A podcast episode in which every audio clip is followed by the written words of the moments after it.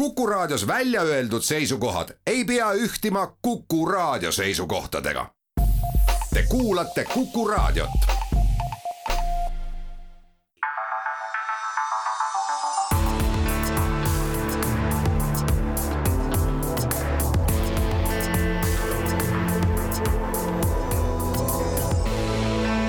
olukorrast ajakirjanduses tere kuulama saadet Olukorrast ajakirjanduses. viinavabriku kõrvalusevas stuudios on kohad sisse võtnud kaks vanameest, Rein Lang, Väino Koorberg. õnnitleme kõiki, kogu Eesti rahvast, just nendel minutitel saab Eesti endale uue valitsuse koalitsioonileping on olnud nädal aega kõikide järada ja me natukene kavatseme rääkidagi sellest järellainetusest ehk kuidasmoodi kõik see asi paistab ajakirjanduses välja. oh Jeesus, sa kavatsed järada koalitsioonilepingut, mina mõtlesin, et sa kavatsed järada hoopis kaduma läinud kutset Eesti filmi teleauhindade galale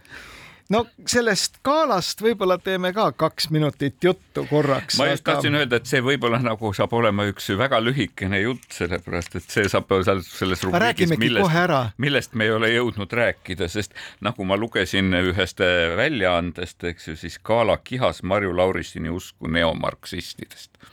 ah nii, nii siis äh, sellega me lõpetame selle teema käsitlemise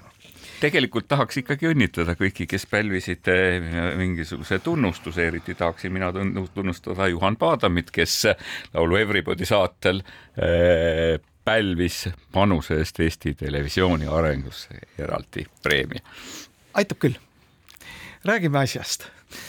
räägime sellest, kuidasmoodi siis eh, Eesti ajakirjanduses on peegeldunud see loodav valitsus mis ju määrab mingil moel meie edasist elu järgmised äh, neli aastat, kui enne ära ei lagune lagunemiseks on minu arvates kõik eeldused olemas. kõik eeldused sest... tavaliselt ei ole need kolmikliidud väga kaua ka kestnud vist. sest meil on ju olemas ka selline nähtus Riigikogus, mille nimi on opositsioon ja nädalavahetus tsementeeris selle opositsiooni veel tugevalt ühte. aa, me pidime ju taga otsima ka ühte hääletussedelit. kus on üks sedel, aga muidugi jah, see, et nüüd äh, meie vapper Keskerakond äh, pooldub, seega siis selles ei ole midagi imelikku lõppkokkuvõttes, erakonnad kõik terve oma arengutsüklis sülitavad välja mingisuguseid seltskondi, kes omakorda teevad mingisuguse partei ja Keskerakond on neid pooldumisi tegelikult üle elanud küll. aga mis mind nagu, ma ei saaks öelda nüüd häirib, aga lihtsalt nendiks seda tõsiasja, et Riigikogu opositsioon on EKRE-ike ehk siis valitsuskoalitsioon on üksmeelselt kolinud Riigikogus opositsiooni on sisse töötanud kooslus ja annab turm tuld esimesest päevast peale. mingist sajast päevast pole juttugi, sadat minutit no ja ma, mina, mina ei ole, ma ei julge nagu päris seda EKREIKet nii ühe, üheselt, kuigi ma e, e, nii ühise, ühes, üheselt tsementeerituks nimetada, sest ikkagi tundus, et Isamaa üritab sealt natukene distantseeruda sellest EKRE-st ja tegelikult ka Keskerakond mingis mõttes üritab distantseeruda, nad on väga ettevaatlikud, et et hea on minu meelest alati näha, et ühel pool on nagu vankumatu koalitsioon ja teisel pool on vankumatu opositsioon, aga no asjad on palju keerulisemad. no nüüd see sinu optimism teeb sulle ainult au, ega no. siis ka koalitsioonis on alati ka mingisugused pinged, sest ega siis valitsemine ei ole suur meelakkumine. ja nüüd äh, see valitsuskoalitsioon oma niisuguses poololematus ühtsuses kindlasti saab toetada poolühtsusele opositsioonis mina ennustan küll, et see opositsioon Riigikogus selle valitsuse ajal saab olema väga ühtne, väga üksmeelselt tegutsev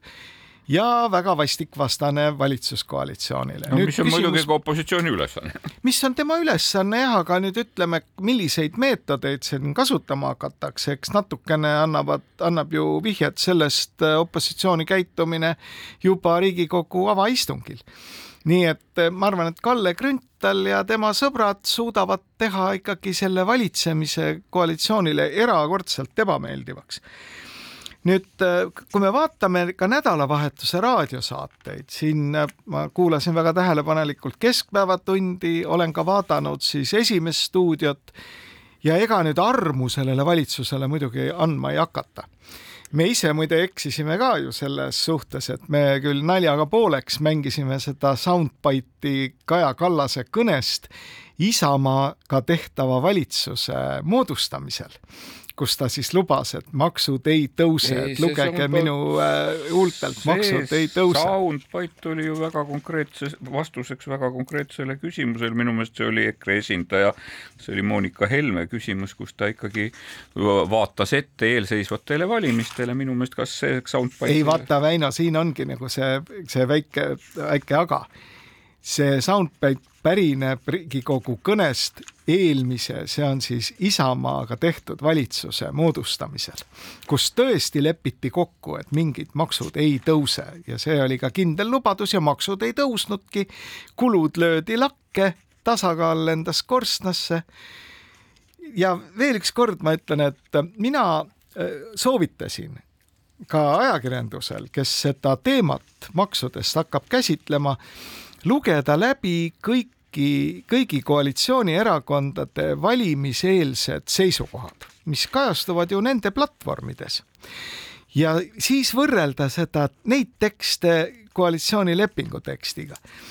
ja kas te nüüd nagu sealt leiate otsese vale see on nüüd natukene kahtlane. nii, ma nüüd, ma, ma pean asju. ma pean sulle natukene vastama, aga konkreetne tsitaat on pärit kahekümne möödunud aasta kahekümne kuuenda oktoobri Riigikogu infotunnist ja ta on vastuseks Helle-Moonika Helme küsimusele. Öelge palun otse välja, kas Reformierakond hakkab ametlikult meil riigis makse tõstma ja tulevadki kinnisvara ja automaks. ma eeldan, et enne saabuvaid valimisi oleks väga oluline, kui te selle otse välja ütleksite, et inimesed teaksid. sellele järgnes vastus lühilaine, lühi, lühilausete teemal. et siin on ka nagu, et, et toimub usutavat heidutamist minu meelest mõlemalt poolt selle kohta, et kes, kes mida ütles, kellel millekski õigus oli kas tal oli selleks põhiseaduslik õigus või põhiseaduslik kohustus vaikida, aga minu meelest, et siin on opositsiooni ajakirjandus küll tõepoolest olnud suhteliselt ühel, ühel lainel, et, et ta on äh, on ikkagi vahele võetud praegu hetkel, eks ju, sinu koduerakond ja koduerakonna nagu see e-, esimene, esimene kõneleja ja, ja, ja, ja siin ei anna midagi teha, sellepärast et olnud suhteliselt abitu seletamine selle valetamise või, või, või, või mitte tõe rääkimise või ega ebamäärase see, väljendamise teemal. ma olen sellega täiesti nõus, et ütleme, et see narratiiv, see valetamise narratiiv on olnud edukas see on ilusasti et, et sellele no koalitsioonile see isegi ei ole narratiiv, aga põhimõtteliselt, et see on olnud tegelikult, see on muutnud Kaja Kallase väga rünnatavaks. ja, ja on küll ja kahtlemata, ega sa... siin ei ole enam midagi ka suurt teha, sest et nüüd, kui sa hakkad nagu seletama kõike seda, siis käivitub täpselt see skeem nagu tuntud Ukraina naljaajakirjast Ragai Kapõta, see vana nali et igast teie öeldud lausest korjab tuntud lingvist Koškin üles need tähed, millest moodustab ropusõna. Ja ükskõik, mida sa ütled selle maksu, maksutõusu kohta, siis igal juhul saab see vastaspool, kes on oma tegevuses väga ühtne, seda kasutada ära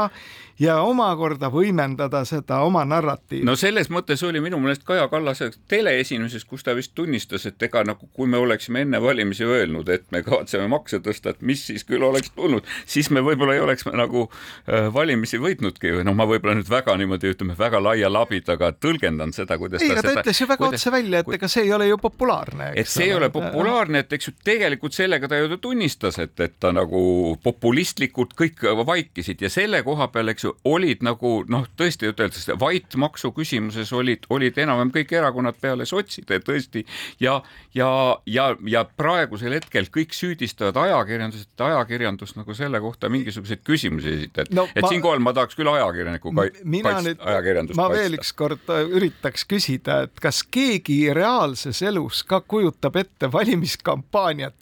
kus võistlevad omavahel erakonnad selle üle, kes kogub hääli maksutõusuga, aga teeme siinkohal väikese pausi.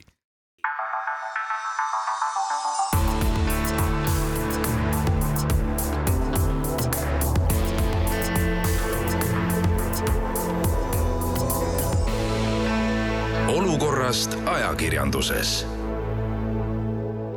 vanamehed viinavabriku kõrvalt räägivad äh, koalitsioonileppele järgnenud järellainetusest ajakirjanduses ja ütleme, mina ennustan ette lõbusat perioodi, kus käib selline vahva lahmimine nii ühelt kui teiselt poolt ja ennustan ette ka ajakirjanduse teatavat polariseerumist. ehk siis tekivad nii-öelda väljaanded, mis on pro valitsus teised, kes on antivalitsus. kus see telk peaks siis jooksma elame-näeme, aga ma kardan küll, et see polariseerumine saab olema hästi sarnane Ameerika Ühendriikide polariseerumisele peale seda, kui Donald Trump valiti presidendiks. ehk isegi suured kanalid tegelikult jagunesid siis pro-Trump ja anti-Trump ja, ja tegid oma, ajasid oma propagandistlikku juttu kakskümmend neli tundi ööpäevas kas see Ameerika ajakirjandusele hea oli, selles ma siiski julgen natukene kahelda. see ei olnud hea tegelikult ka nende telejaamade reitingutele, ma saan aru, et küll seal see pro-Trump Fox News kaotas seal vähem kui, kui tegelikult anti-Trump CNN, kes oli pärast ikkagi väga mures oma oma vaatajaskonna kahanemise pärast. jah, ja ütleme, et Eesti ja. ajakirjandusväljaanded on ju seni vähemalt oma jutus olnud seda meelt, et nad ei saa hakata ajama ühte maailmavaatelist liini. et nad üritavad siis balansseerida erinevate arvamuste vahel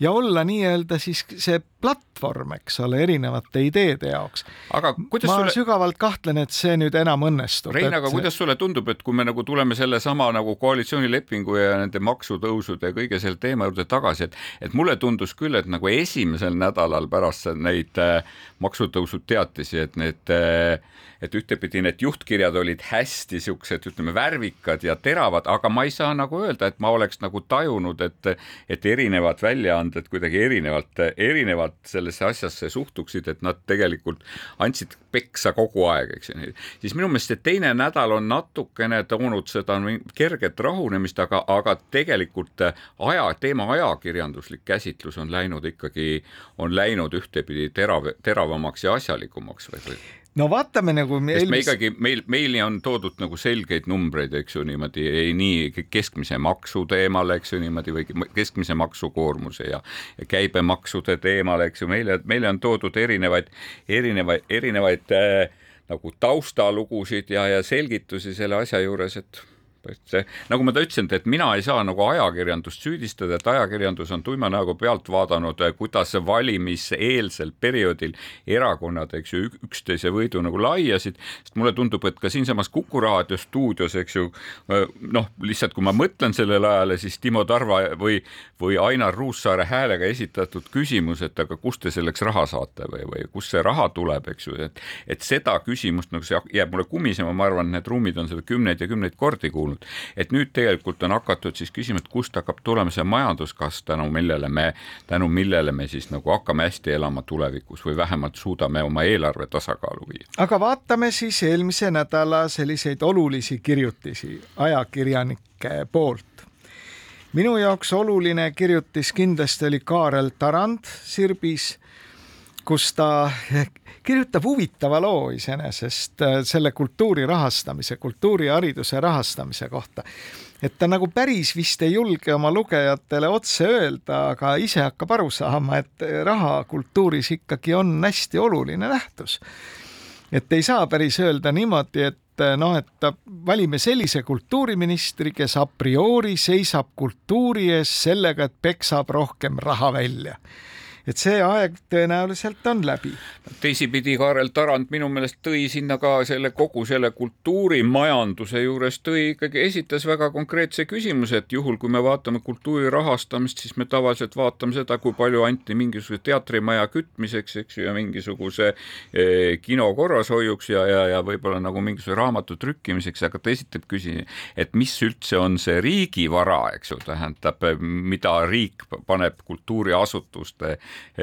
sisse, eks ju, tähendab ja millist püsivat väärtust see loob, ehk et kas tõesti riigi panus on see teatrimaja, et tegelikult me oleme sel ajal, kus, kus see inimene, kes selles teatrimajas tegutseb ja loob, on tegelikult nagu no oot-oot-oot. põhi, põhiväärtus. kunstnik, kes tegutseb ja loob, on põhiväärtus. kas see inimene või see loodud teos, eks ole, ka siin ja. on nagu see dilemma. seda küll, aga lihtsalt, et me oleme jõudnud selle peale, kus üha, üha rohkem, ma ei taha nüüd majandusse, aga kus nagu niisugune loometööga tegelevate ettevõtete põhine väärtus on inimestes, inimeste peades ja inimestel on kalduvus ära minna, eks ju, minna konkurendi juurde ja nii edasi ja nii edasi. inimesed on väga emotsionaalsed oma sellises käitumises. küll oleks tore, kui lõpuks ometi hakatakse vaatama seda, kuhu see raha tegelikult läheb. ja siin osas muts maha Postimehes. Postimees vaatas seda, ma just tahtsin kolmeteistkümnes aprill haridus- ja kultuurikulude osakaalu võrdlus Euroopa riikides. Eestis on kõige suurem osakaal äh, rahvuslikust koguproduktist haridus- ja kultuurikuludel peale Ungarit Ungaris on see number kolm koma kolm protsenti, Eestis kaks protsenti. järgmised numbrid on juba üks koma viis. ja nüüd tekib see dilemma, et kogu selle üldise fooni juures, kus räägitakse, et raha on vähe, selleks jälle ei eraldata, selleks ei eraldata, siis tekib ju see küsimus, et aga kus see raha siis jääb, kus ta siis on ma mäletan, et Jaak Aaviksoo omal ajal esitas ju täiesti põhjendatud küsimuse, et kuidas saab olla, kui me kulutame noh, märkimisväärse osa oma rahvuslikust koguproduktist, mis ka absoluutnumbris on üsna suur, kulutame hariduskuludeks, aga õpetajate palk on ikkagi närune. ehk siis, kus raha on? Ma ei tea, kas see sõna närune ei, ei ole minu meelest päris õige, iseloomustaks õpetajate palka ja tegelikult õpetajate palka väga pikalt, eks ma arvan, et siin Tallinna lähedased, lähedased vallad maksavad õpetajale sellist palka, eks ju, mida isegi päris mitmed ajakirjanikud oleksid valmis, oleks valmis äh, vastu võtma ja, ja mulle tundub, et isegi endisi kantslereid on nähtud õpetaja koh kohtade peal näed, sa isegi sina hakkad juba rääkima asjast, eks ole. et aga see ongi et ajakirjandus võiks tegelikult keskenduda ka nende kultuuri ja hariduskulude puhul just sellele, kuhu see raha tegelikult kulub, mida siis eelarve kaudu ringi jagatakse. Ja mina nagu kardan, et kui hakatakse seda lähemalt uurima, kuidasmoodi see kultuuriraha, mis on väga-väga suur Eestis, kuidas see tegelikult jaguneb ja siis me näeme ühtäkki, et puugid muutuvad kole närviliseks. puugid muutuvad närviliseks ja noh, selle kohta selles samas loos, kus, mida sa tsiteerisid, Kaarel Tarandil, Kaarel, Kaarel ka sellele, ta küsis, et ka kultuuriasutusi kuidagi nagu mänedžeerida ja majandada, eks ju, et kogu seda kultuuritaristut ülal pidada Riigi Kinnisvara Aktsiaseltsi kaudu, kellele omanik on andnud eh, kasumi ootuse tegelikult ja majanduslikku ülesanne teenida kasutada, et kas see on kõige säästlikum, kõige otstarbekam, kõige tõhusam viis, eks ju. täpselt samamoodi noh, me, kui me kuuleme, meil on väga tore vaadata oma toredaid ilusaid koolimaju, ka kõrgkoole, eks ju, see betooni valamine on alati hea, aga kas see raha on seal alati hästi kasutatud, selles suhtes jään mina ka teinekord eriarvamusel, ma näen väga ilusaid koole, mul süda on alati rõõmus, aga ka tuttav ehitaja on ühe korra kunagi mulle öelnud, et, et kui tuleb hange, eks ju, koolimaja koolimaja ehitamiseks, et viimasel ajal on ka sisustused seal sees, et siis eh, sinna tuleb kirjutada nelja tuhande euroseid töötoole õpetajatele, eks ju niimoodi, ja siis ma olen alati öelnud, et õpetaja suudab muidugi,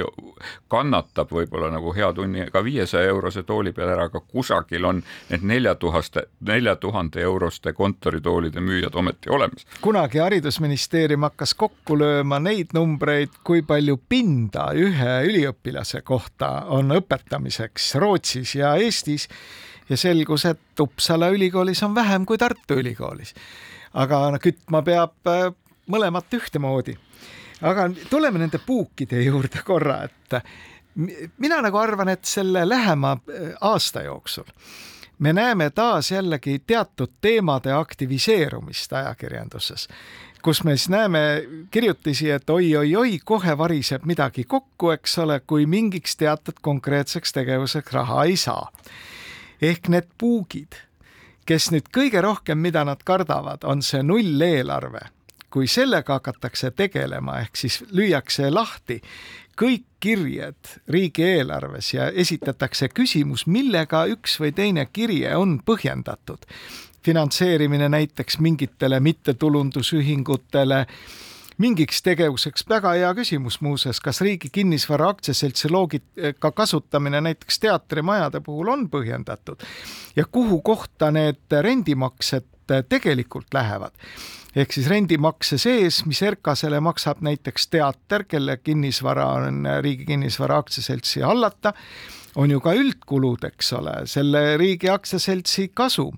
aga üldkulud, et noh, et kellele kui palju siis palka makstakse, kas need noorsandid, kes selle küttelahenduste väljatöötamise eest vastutavad, tegelikult oma tööd teevad südamega või oma palga eest ainult? Nii et need küsimused just selle nulleelarve tegemisel nagu tõusetuvad. Ja see on minu arvates Eesti ajakirjandusele tohutu väljakutse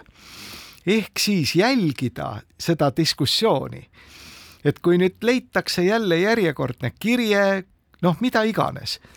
et äh, aidata välja selgitada, mis tegelikult selle kirje taga on ja kas see kirje on ikkagi põhjendatud meie kõigi ühise hüve nimel aga tõepoolest, et Eesti ajakirjandus on tõstatanud küsimuse, laiema küsimuse, kust peaks tulema see majanduskasv ja möödunud nädalal on ka räägitud, et et ühel hetkel, et no eh, on olnud nende virisejate, niinimetatud virisejate seas, eks ju, et kohe saab maailm otsa, on tegelikult olnud täiesti põhjendatud virisemised on olemas. tõepoolest, et noored pered, kes on tõstatanud küsimuse, et, et kas nende nagu õigustatud ootusi on kuidagi nagu petetud et kui riigikogulastel oli õigustatud eetused, omal ajal õigustatud ootus, et auto kompensatsiooni makstakse edasi, eks ju, tähendab siis, kas noored pered ei peaks oma pere planeerides, eks ju, olema nende lastetoetustest kuidagi nagu ja ja, ja tulumaksusoodustustest kuidagi õigustatud, oodatud, eks ju. turismisektor ootab siiski õigustatult, et neil nagu ei lubataks välja surra. Öeldakse, et ega me selle tulumaksu tõusmisega ikka väga palju kasu ei saa, öeldakse seda, et ega see käibemaks, eks ju, tundub, et on madal, aga tegelikult me saame Eesti kõige või saame Euroopa kõige kõrgemaks käibemaksumaks ja nii edasi ja nii edasi. väike paus.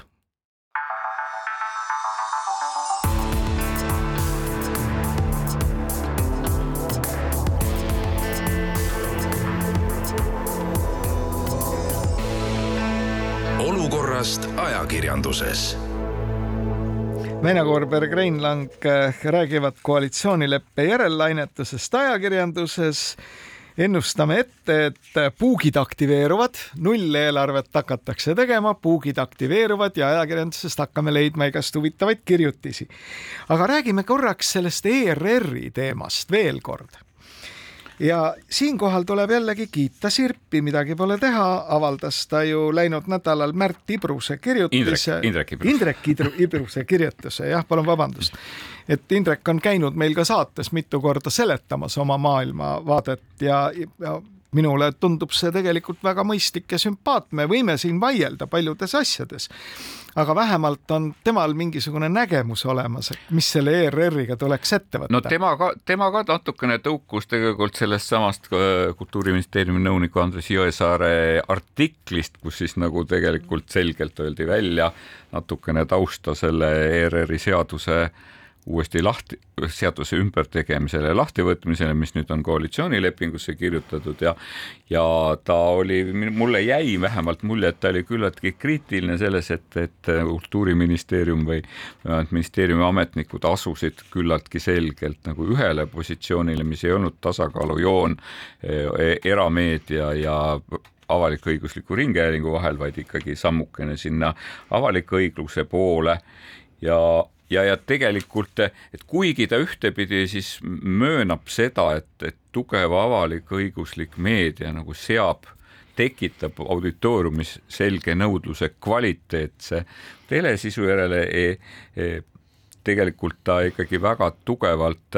tugevalt kritiseerib ka seda, et, et, et ERR nagu ei lase kedagi ligi see on eh, Indrekul juba vana tees ja nüüd üks tema selle kirjutise puhul ka, mis on näha kohe, ta kujutab ette, et kui innovatiivne ERR tuleb lagedale mingisuguse uue asjaga meediaturul, siis sellega ta tegelikult tekitab konkurentsi sellega, et siis kui see idee on elujõuline, siis erameedia hüppab samale trammile ja hakkab seda sisu siis tootma, mis oleks ju idealistlikust pilgust väga hea.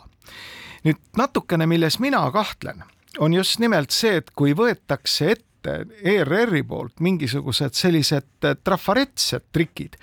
no nagu me eelmises saates käsitlesime, et Jupiteri tuleb mingi saade Hollywoodi filmide tutvustamiseks, siis minu arvates ei ole selles mitte midagi innovatiivset. ja see ei tekita mingisugust täiendavat konkurentsi, vaid see on ebaterve konkurents, et ta viib tegelikult erameediast mingisuguse raha lihtsalt välja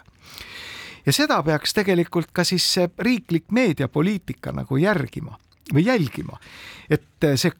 uute innovatiivsete lahenduste väljamõtlemine ei läheks tegelikult selliseks klassikaliseks turundustrikiks ehk siis tehakse jälle kas mingi saade või saatesari või mingisugune, toodetakse mingit sisu, mille ainukene eesmärk on tegelikult luua turundusplatvormi, see ei ole mingisugune konkurentsi Indrek Ibrus jah, selles mõttes ikkagi seab, seab neid ülimaid eesmärke või noh, üllamaid eesmärke tegelikult või vähemalt sõnastab neid ka selles artiklis, soovitan, soovitame seda lugeda, sest ta, sest ta tegelikult äh, noh, lisaks sellele, et, et ERR suudaks võimestada eratootjaid, eks ju tõesti, et, et, et, et mitte kõike ei tehtaks oma majas, vaid antaks väiketootjatele võimalust teha, räägib ta räägib ta tegelikult ka tõepoolest sellest kultuurilistest ülesannetest, hariduslikest ülesannetest, mida ta räägib, tõepoolest innova-, innovatsiooni nagu eestvedamisest, eks ju. ta püstitab selle küsimuse, et kas me kas ERR saaks olla see, kes, kas ERR üheskoos, eks ju, Eesti meediaga võiks olla see, kes nagu platvorm, suurplatvormide vastu äh, saaks astuda. minu meelest oli väga huvitav muidugi selle ERR-i analüüsi juures, et kus ta ütleb, et kui nad olid analüüsinud noh, tänu suurandmete vist kättesaadavusele Tallinna Ülikoolis, nad analüüsinud tegelikult, et ERR-i programmi siis, siis äh, püüan eksida, aga ütleb, et avastasime mitmeid muid tähelepanuväärseid trende, näiteks tasahilju aset leidnud meelelahutuse kasvu ja kultuuriosa languse pro programmides. Ja see on nüüd nagu sellest tõukuvalt, ta ütleb, et vot, et tegelikult ERR-ile tuleks anda nagu ühtepidi see, see tõsine eesmärk, eks ju, mis peaks olema sõnastatud mitte väga üldsõnaliselt, vaid nagu konkreetsemalt. Ja selle täitmist tuleks kontrollida kuidagi teistmoodi, kui nagu praegusel hetkel lihtsalt ERR-i nõukogu tuleb ja vaatab, et mil selline on eelarve ja selline on meie saadete reiting, et et vaid et, et selle nõukogu eesmärk oleks tõesti sõnastada see avalik hüvis, mida siis ERR peab pakkuma, eks ju, tähendab, et võib-olla ka see roll, mida ta peab siis vedama. E, no vaata, et äh, mulle tundub, et siin hakkab minema see jutt äh, sinna väravasse, et teadlased, ka meediateadlased, kes on ju Eestis täiesti olemas, räägivad ühte juttu ja see ei haaku kuidagimoodi parteide huviga, kes võitlevad mõjuvõimu pärast meedias ja meie küsimus on see, et kas selle praeguse parlamendi koosseisu juures on võimalik see mõjuvõimu haaramine meedias kuidagimoodi ära ohjeldada. et üks asi on siis omada seda mõjuvõimu erameedias, noh, see on iseenesest ju lihtne, eks ole, teatud maailmavaatega ettevõtja võtab kätte ja teeb mingisuguse meediaettevõtte või siis teeb, paneb raha alla mingitele blogijatele, no sellega saab mingisugust mõjuvõimu, eks ole, ja töötab sellega siis äh, ühe või teise maailmavaatega erakonna kasuks. nüüd see ERR, mis on ju Eestis ikkagi väga võimas kanal, selle puhul siis käib see kaklus selle mõjuvõimu pärast nii, et äh, kes saab rohkem oma nägusid sinna nõukokku ja selle nõu, vähe sellest kes saab otse juurdepääsu Aktuaalsesse kaamerasse. kes saab otse ja kes saab oma esindajad ja isegi varjamatult, kes saab oma esindajad näiteks uudistetoimetuse juhiks et no. kui see kauplemine läheb nagu sellisele tasemele, mis on äh, omane sellele eelmisele parlamendile, et kas sellele on võimalik panna piir ja nüüd see niisugune deklaratsioon loodava koalitsiooni puhul koalitsioonilepingus, et uuendatakse see Rahvusringhäälingu seadus kas sellest saadakse üle? ja kui nüüd äh, lugeda seda Indrek Ibruse kirjutist, siis tema ütleb, et ei, et seadusega võiks tegelikult ERR-i mõjutada küll tegema neid äh, või pöörduma selle avaliku hüve tootmise poole. aga kui me loeme seda tänast seadust, siis ega sellel seadusel ei olegi nagu midagi viga. lihtsalt küsimus on see, kas seda täidetakse või ei täideta ja kas keegi järgib seda, kes keegi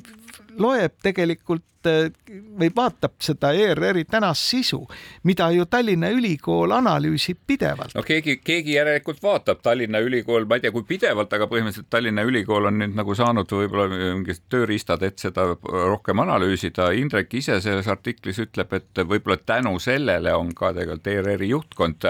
natuke rohkem nägija, sest et, et tegelikult muidu tuleks ju kogu aeg lähtuda sellest, et üks poliitik nõukogus ütles, et talle see ei meeldi meeldinud ja teine poliitik ütles seal ja siis, et Lang ja Koorberg selles saates ka kogu aeg vinguvad, et see ei ole nagu see, mille pealt sa tegelikult ehitad oma meediapoliitikat, eks ju. aga kui sul on nagu mingisugused numbrid, niimoodi Indrek toob seal veel näite, noh, ta ütlebki seda, et näiteks, et kui me vaatame ERR-i programmi tootmist, et siis see tundub, et, et, et see on kaldu mingi või pro programmi ülesehitust just nagu sisseostud asjade osas, et see on väga kallu britt, kaldub Briti kultuuri poole, eks ju, ja ja selles on proportsionaalselt väga vähe ülejäänud Euroopa nagu muud kultuuri, et miks me oleme valinud kõigist maailma kallitest ja väärtuslikest asjadest välja just need konkreetsed, kas sellel valikul on mingisugune sisuline põhjendus, mis lähtuks sellest seadusest seatud eesmärgist? no selleks vast ei ole vaja Tallinna Ülikooli, et Eh, aru saada, et me ostame enamuse kõik sellest meelelahutuslikest telesarjadest sisse BBC toodangut. et see on eh, võimalik ka muidu teada saada. et selleks on mingid muud põhjendused. nüüd ütleme, mina tahaks Indrekuga ka vaielda, et kas see käibemaksu teema, et ERR avalik-õigusliku isikuna seda käibemaksu, mis ta ise maksab, tagasi ei saa et kas selle lahendamine nagu on, paneks mingil moel ERR-i teistmoodi tööle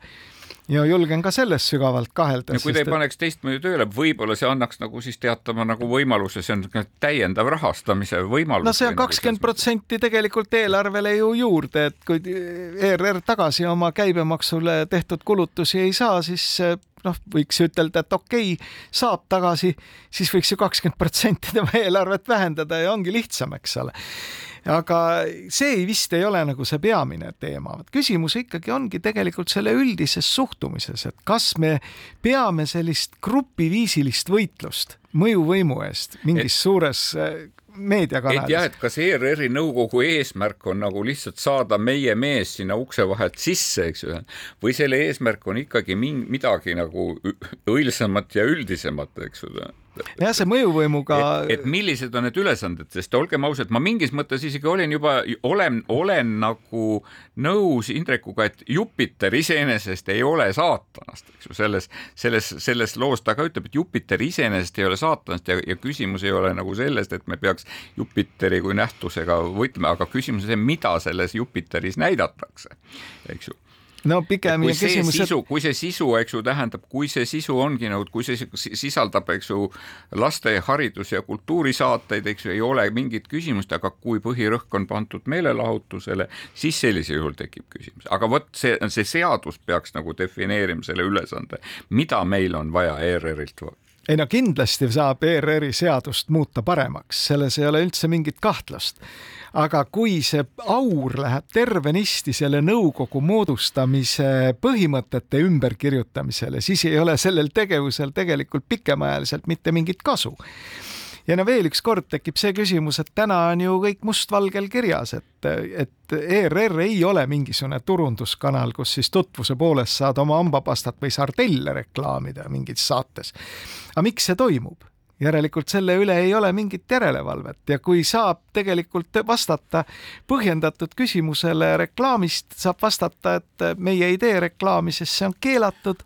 noh, siis ongi, et no, lõpuks nokk, nokk kinni, saba lahti. sellele viitab juhtimiskvaliteedile mainides, et just, et, et sedasama küsimust ei pea lahendama poliitikud ERR-i nõukogus, seda peaks lahendama ERR-i juhatus. ja siinkohal väike paus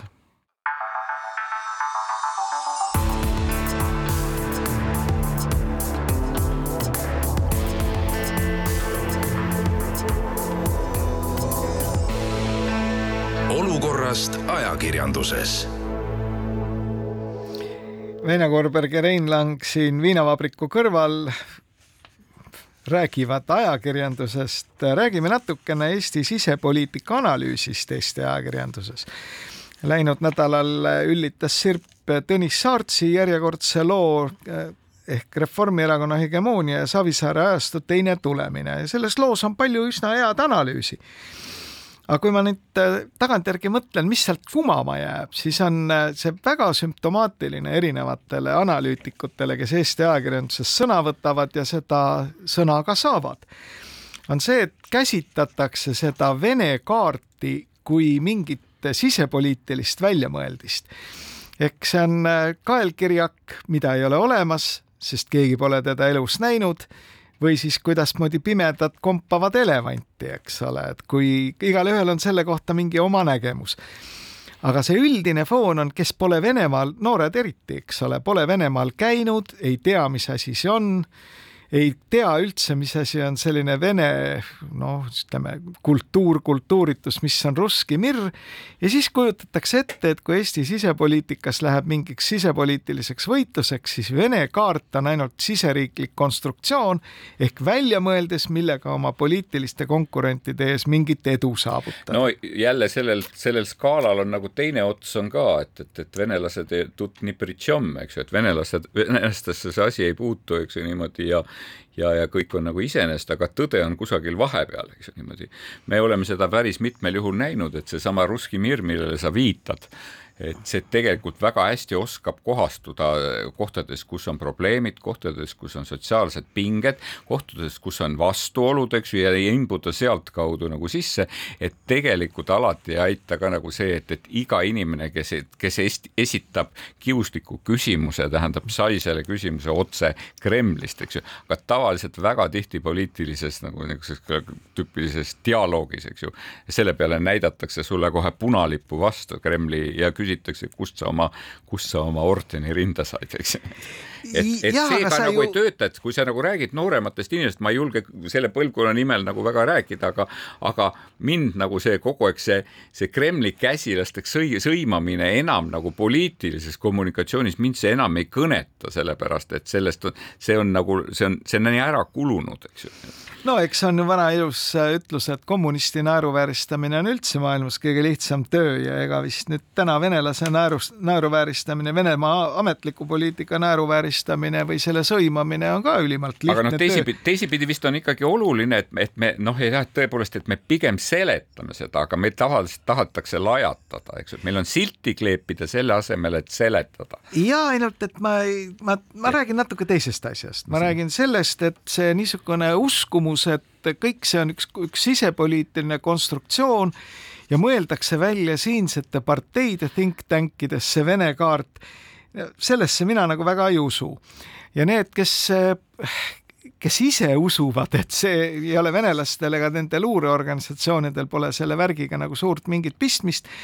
siis mina väga soovitaks ikkagi uurida teatud riikide ajalugu ja no ütleme, et nagu Tallinna Ülikooli puhul on seal ju tugev ajaloo uurimise traditsioon ka olemas ja nüüd ütleme, et Tallinna Ülikooli sotsiaalteadlased teinekord paistavad just minu jaoks nagu silma sellega, et kõike nähakse ainult läbi sisepoliitilise võitluse prisma, et äkki sidustaks seda ajaloo uurimist ja, ja seda sotsiaalteadust. nii nagu äh, TalTech ehk Tallinna Tehnikaülikool hakkas ühes ja samas teaduskonnas õpetama ehitusinsenere ja arhitekte, eks ole. sest kui nad seisavad kõrvuti, siis on sinna tüli sisse programmeeritud. aga nüüd, kui ajaloolased näiteks Soome ajalugu seletaksid sotsiaalteadlastele põhjalikult, seitsmekümnendate, kuuekümnendate aastate ajalugu, mis on ju iseenesest kõik faktidega võimalik näidata, eks ole, kuidasmoodi venelased ühte või teist operatsiooni tegid no äkki tuleks kasuks. või siis see nii-öelda see täieliku suveräänsuse teooria, mida ju ka väga mitmed sotsiaalteadlased ajavad, et noh, et ärge arvake, et meil siin, et me oleme ju suveräänne riik, me võime ise teha täpselt kõike, mis me tahame, siis soovitaks uurida natukene Iirimaa ajalugu, eriti viiekümnendaid aastaid, et kuhu see kõik välja jõudis et mida ma tahangi öelda, et iseenesest need sisepoliitilised analüüsid on ju tore lugemine, eks ole, mis väga palju küll on küll seal vandenõuteooriat, aga kui jõutakse lõpuks selle nii-öelda Vene kaardini, siis niisugune noh, Vene kaardi või Vene ametliku Venemaa eitamine ja tema alatähtsustamine on minu hinnangul väga suur viga. Nüüd äh, teine asi, mille võiks selles saates veel põgusalt käsitleda, on on järgmised valimised ehk kohalike omavalitsuste volikogude valimised ei ole ju enam mägede taga. ja minu meelest Otsa tegi kas Algus tahtmatult või tahtlikult jah, tegi Mikk Salu laupäevases Postimehes lahti kirjutisega autostumine on Eesti edulugu, miks uus valitsus seda kärpida tahab? no ütleme, et pealkiri äh, räägib küll selle praeguse valitsuse toimetamisest riiklikul tasemel, aga sisu on tegelikult minu arvates väga oluline. Ehk siis Eestis hakkab levima selline lääne urbanistika et äh, tuleks igati võidelda äh, valglinnastumise vastu, tuleks võidelda inimeste liikumise vastu, tuleks promoda ühistransporti ja autod kõik on saatanast ehk päh selles loos oli vist tore näide, kus ühel hetkel selgub, et, et jalgrattad ei võitle mitte autodega, vaid tegelikult jalgrataste suurimaks konkurendiks saab seesama ühistransport. aga vaata, mis on nagu oluline minu meelest, et need noored urbanistid kes oma mõtteid väga aktiivselt ja väga jõuliselt tegelikult tõid esile ka nende Riigikogu valimiste kontekstis. Nad kõik on saanud oma hariduse läänes ja nüüd, kui me võrdleme nagu Pariisi, mida ju Mikk Salu väga ilusti käsitlebki, et kui sul on kümme miljonit elanikku ja null koma viis miljonit elanikku, siis mastaabi vahe on ju tohutu. ja kas kõik needsamad probleemid, mis on Pariisis, on üks-üheselt nagu teisaldatavad Eestisse? ka autostumine, ka ummikute teema, eks ju niimoodi, et kas meie ummikud on ikka tõsised ummikud või on, või on need lihtsalt mingisugused mingi